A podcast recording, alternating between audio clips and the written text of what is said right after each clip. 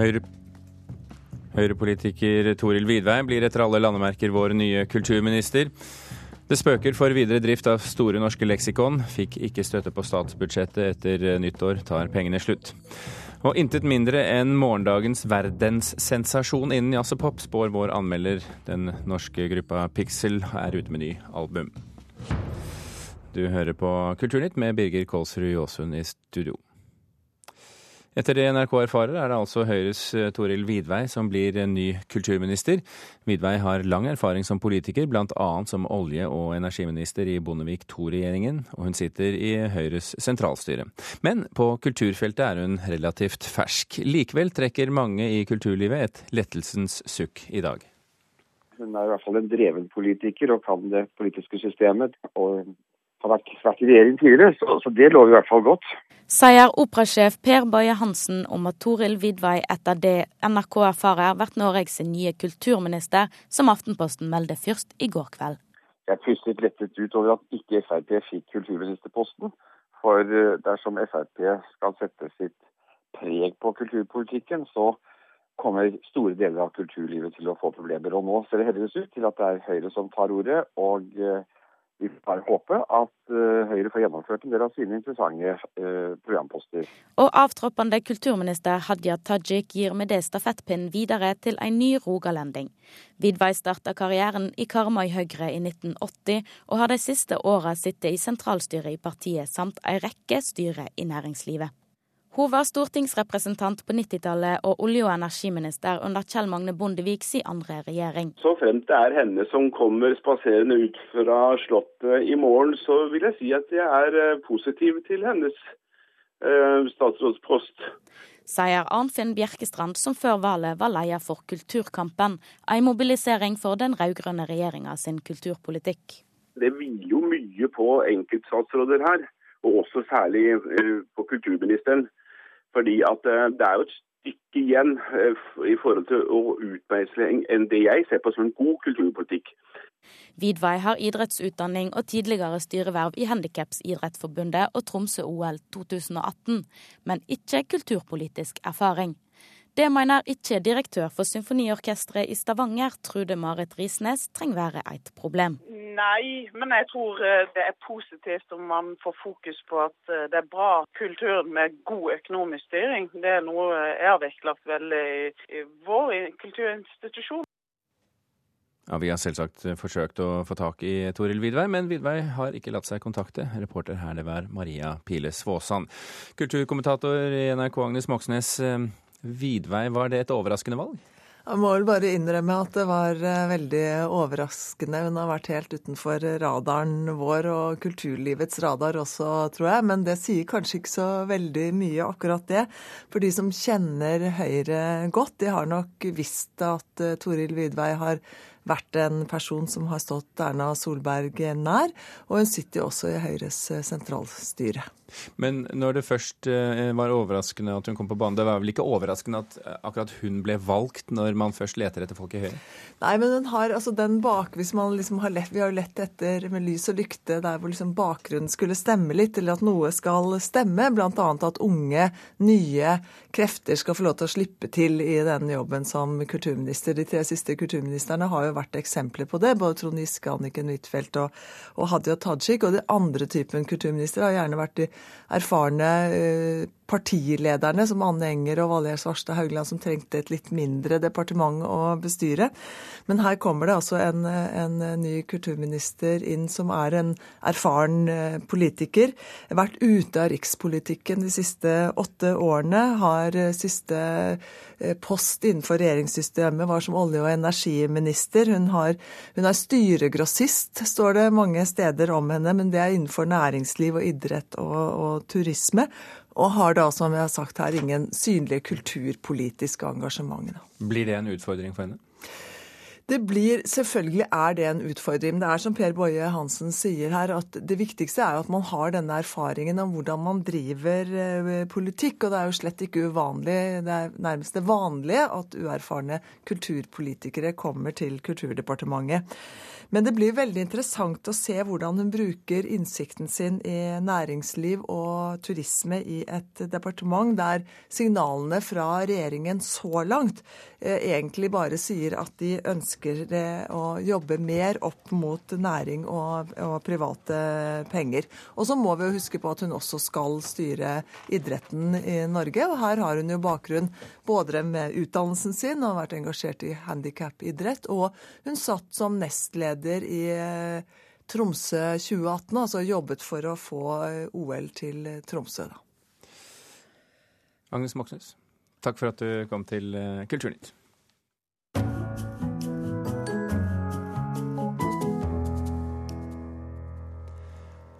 Store norske leksikon må kanskje legge ned driften fra nyttår av. De siste tre årene har leksikonet vært midlertidig finansiert av Fritt Ord og Sparebankstiftelsen, men søkte fem millioner kroner fra regjeringen for videre drift. Det fikk de ikke. Vi kan jo per en time ikke sant, så kan vi ha uh, ja, 7000 lesere, som er like mye som papirleksikonet solgte i siste versjon. Per dag er det 100 000. Anne Marit Godal, sjefredaktør for Store norske leksikon, viser stolt frem klikktallene på leksikonets hjemmeside. Et leksikon som nå kun finnes på nettadressen snl.no. De siste årene har SNL fått støtte fra private aktører. Nå ønsker de hjelp fra staten til å finansiere driften av nettsida. Men støtten uteble på det rød-grønne statsbudsjettet. Nei, Hvis ikke vi får finansiert drifta vår, så betyr det at ikke bare SNL, altså Store norske leksikon, men også andre publiserte leksikon ikke lenger har grunnlag for drift.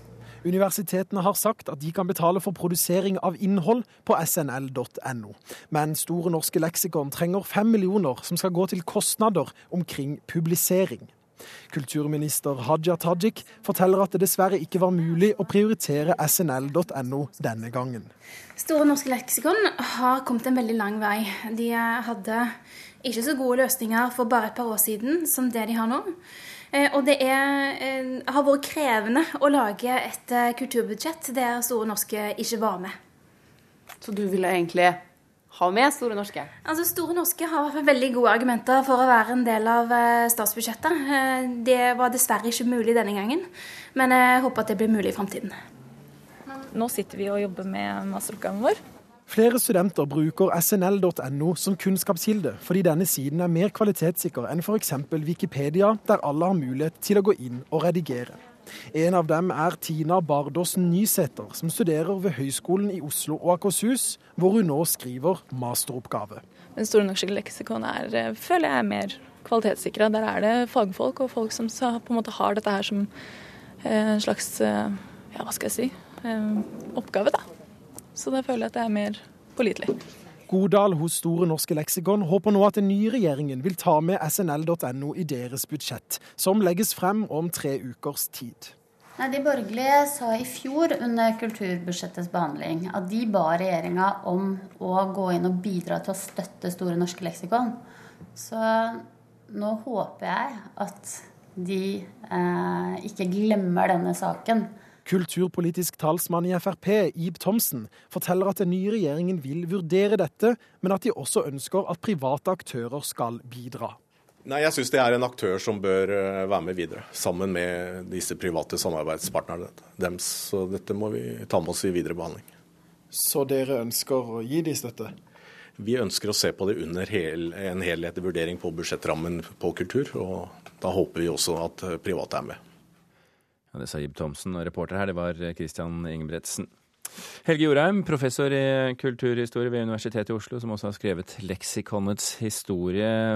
Hvorfor er Store norske leksikon så viktig? Fordi at det, det, tilbyr en mulighet til å ha kvalitetssikret informasjon på nettet eh, som er tilgjengelig for det brede lag av folket, fra skoleungdom og opp, liksom. Eh, og det er en mulighet til å lage et leksikon som er på høyden kunnskapsmessig og teknologisk. Og det er ikke så mange som får til, og de er kommet et godt stykke på vei. Og det er overraskende da at de ikke får lov til å fortsette. Men vi har jo Wikipedia som gjør noe annet. Dette er jo ikke to ting som utelukker hverandre. De er mer symbiotiske, vil jeg si. Altså, Wikipedia er et Hva fantastisk tiltak. Hva betyr det at de er mer symbiotiske?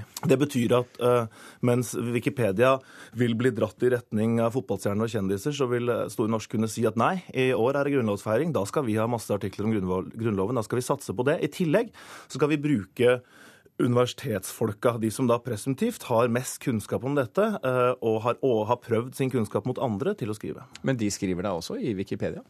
Ikke i samme systematiske grad. Um, han har i hvert fall ikke den garantien for at det er uh, de som har mest kunnskap på feltet, som skriver. Det kan være det, men det kan også ikke være det.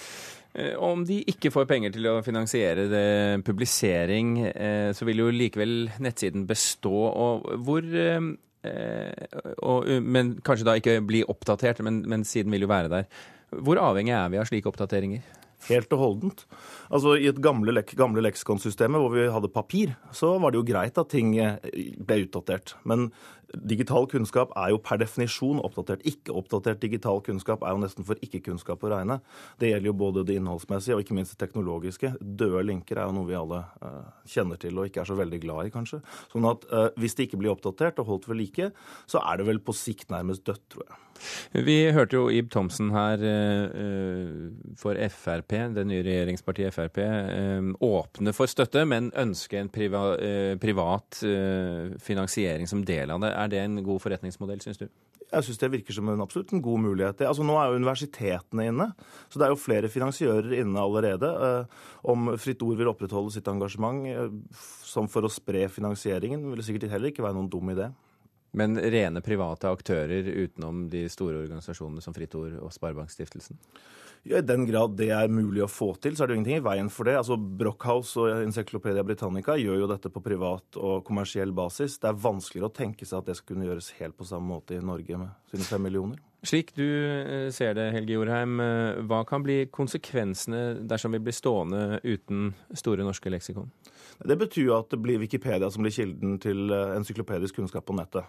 Med de begrensninger som det har, og med den, det, den litt sånn naive holdninga at dette er den løsningen vi skal ha. Vi har nå bestemt oss for at leksikalsk kunnskap på nettet skal være Wikipedia. Og Er det da helt 100% sikkert at det er den beste løsningen? Kan det ikke hende at det finnes andre og bedre modeller? Og Den utforskningen, den utprøvingen og det eksperimentet der, som så langt har gått veldig bra, det stopper jo da ganske brått, og vi har én mulighet for fremtiden. Helge Jorheim fra Universitetet i Oslo, tusen hjertelig takk for at du kom til Kulturnytt.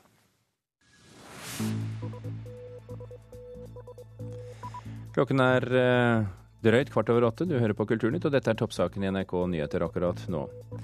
Oljeinntektene kommer til å falle kraftig fremover. Det tror den avtroppende regjeringen. Og i Storbritannia forteller politiet om ny utvikling i forsvinningsgåten rundt Madeleine McCann.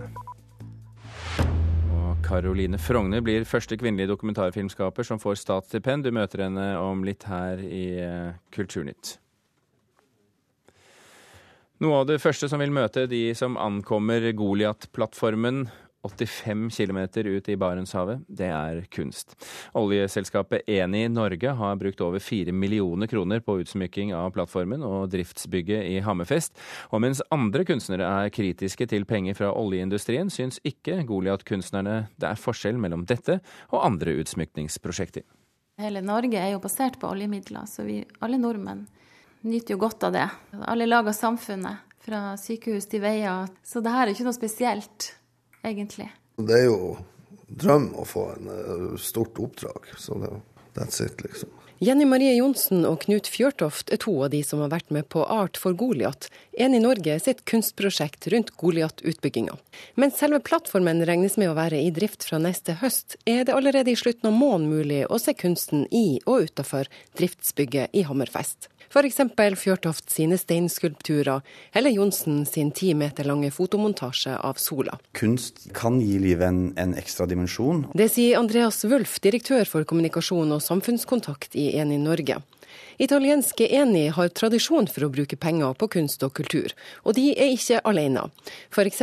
har Statoil et eget kunstprogram, Lundin Petroleum er hovedsponsor for Astrup Fearnley-museet, og Munch-museet har sponsoravtale med Idemitsu, og der er flere. Det er åpenbart at eh, en sånn eh, kunstsatsing er en del av et, eh, en branding-prosess, altså hvor man ønsker å jobbe med hvordan firmaet framstår, både internt og eksternt. Det sier Sigrid Røyseng, professor i kultur og ledelse ved Handelshøyskolen BI. At For et oljeselskap som Eni, så er det viktig å framstå som en innovativ og nyskapende og kreativ bedrift. Og Det er nettopp det kunst kan bidra til, og særlig eh, samtidskunsten. Det vi ser at har kommet ut av det prosjektet, her er jo så mye mer enn det vi hadde klart å forestille oss. Det gir en, en ekstra dybde og dimensjon til, til, arbeidsplassen til veldig mange mennesker. Og så har det jo også blitt en del av bybildet i Hammerfest. Altså Det er jo noe av det hele befolkningen i, i, i Hammerfest eh, kan ta del i sier Andreas Wulf. Blant 55 søkere ble åtte kunstnere med tilhørighet i de to nordligste fylkene plukka ut av enige og eksterne konsulenter. Det syns jeg er veldig fint å kunne få være med på. Så jeg syns ikke det her er noe annerledes enn hvis jeg jobber for Statsbygg eller en annen privat kunde. Det sier Jenny Marie Johnsen, som i likhet med kollega Fjørtoft ikke ser problemer med å ta oppdrag for et oljeselskap. Her så får du jo sjansen til å lage noe svært, og sånn som du aldri har sjanse til å finansiere sjøl.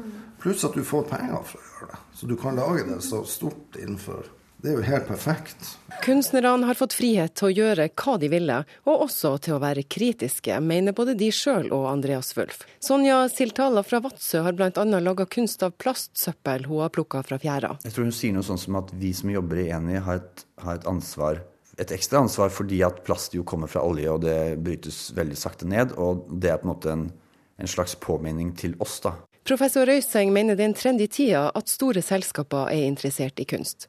Både i form av samlinger og et reelt ønske om å ta samfunnsansvar. Og er det da så nøye hvor pengene til kunsten kommer fra? Dette er jo et spørsmål som enhver kunstner er nødt til å stille seg. Min tenkning rundt dette er jo at det, det finnes ingen nøytrale penger som en kunstner kan leve av. Det følger noen, noen betydninger, symbolske betydninger med alle, alle penger. Jeg mener virkelig at jeg føler at vi kan gjøre noe positivt. Det ville vært verre være uten den dimensjonen.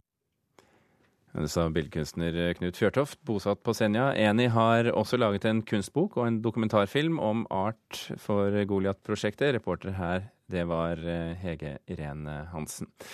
Og når vi nå en gang eh, snakker om eh, dokumentarfilm, dokumentarfilmskaperne Erling Borgen og Caroline Frogner fikk i går beskjed om at de blir mottakere av statsstipend på 421 100 kroner årlig frem til fylte 67 år.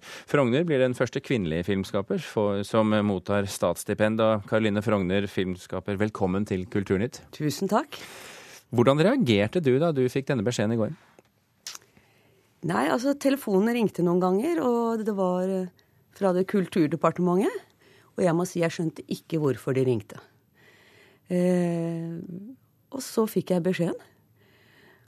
Og Nei, jeg ble målløs. Altså, det er jo fantastisk, og jeg må jo også gratulere Erling med, med dette. Vi er jo litt forskjellige uttrykk i filmene våre, men begge to har jo vært ganske samfunnskritiske og gått på på krum hals med, med forskjellige temaer. Og så får vi dette på den andre siden. Og det er jo fantastisk, altså, at uh, Norge gjør dette.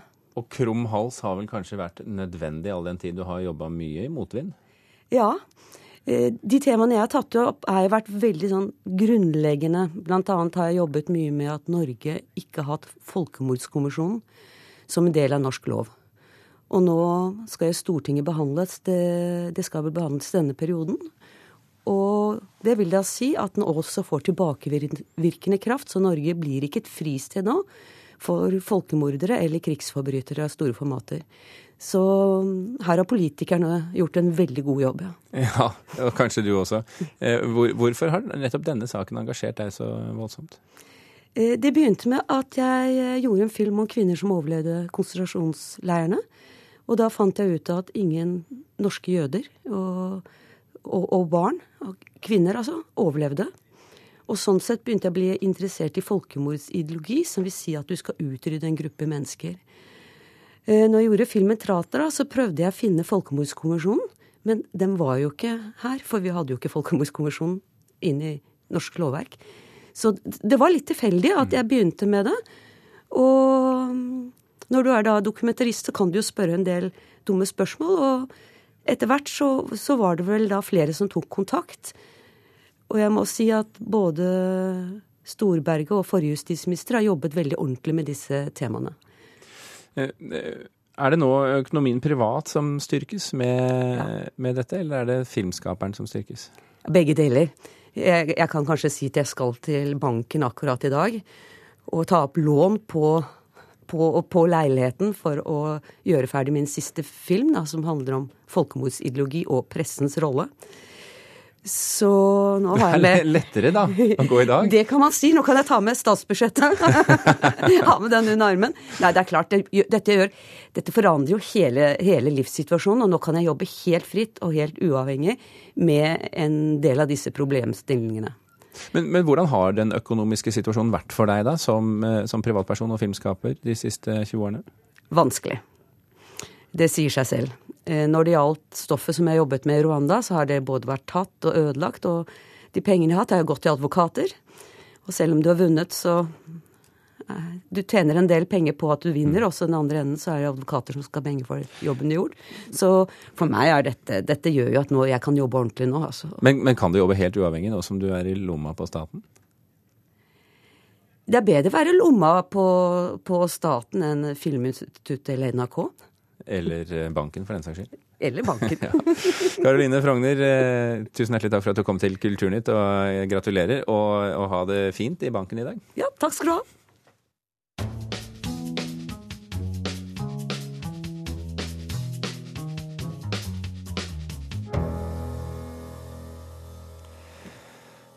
Er de faktisk morgendagens verdenssensasjon innen jazz og pop?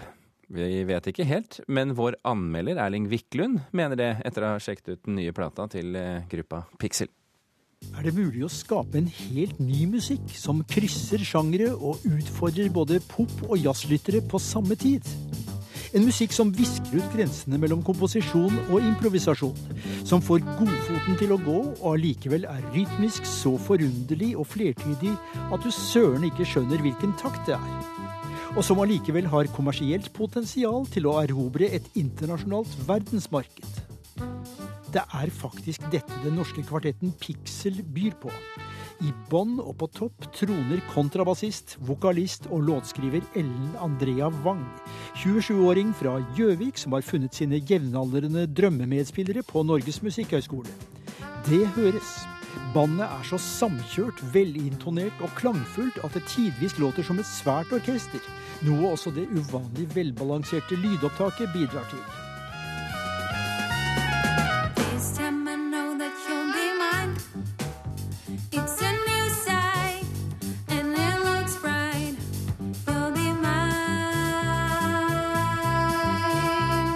Musikken er catchy og uutgrunnelig på samme tid.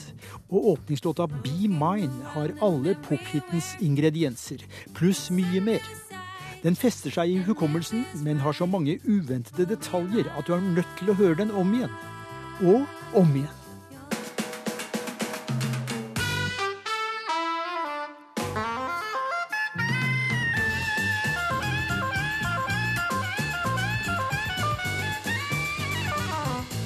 Selv om Harald Lassens lille sopransaksolo gir oss strak knockout i første runde, er det bare begynnelsen.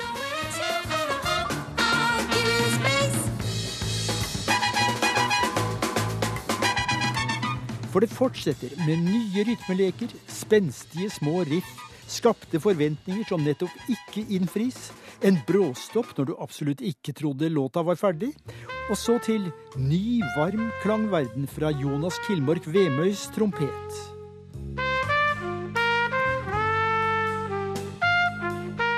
Før en steintøff, fri tenorsaksimprovisasjon føres rett inn i et stramt, gjennomarrangert ensembleparti.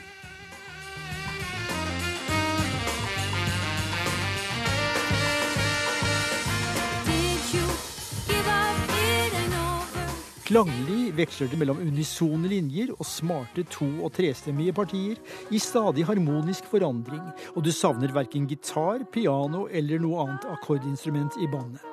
Til gjengjeld korer Ellen Andrea Wang flerspors med seg selv, og bruker både bue og fingre på sin fotside fele.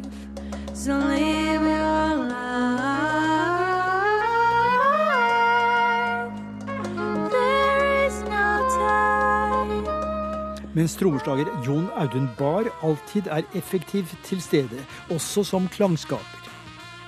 Tekstene har alle popens klisjeer. I wanna be with you, I need you, I want you, be mine. Men det er greit, for her er det faktisk bare musikken det handler om. Både platetittelen We Are All Small Pixels og omslagsbildet med ballonglekende band i parken kunne vært mye mer spenstig. Men det gjør heller ikke noe. For Pixel er garantert morgendagens store norske jazz- og pop-verdenssensasjon.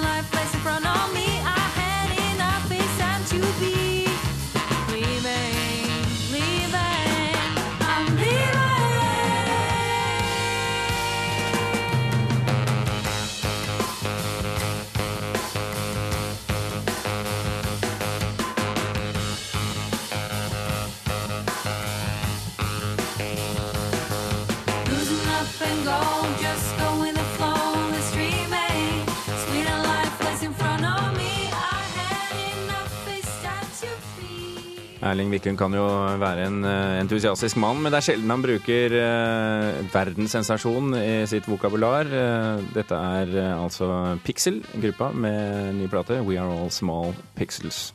Kulturnytt er slutt. I dag har vi fortalt at Høyre-politiker Toril Vidvei etter alt å dømme blir vår nye kulturminister, og at det spøker for videre drift av Store norske leksikon.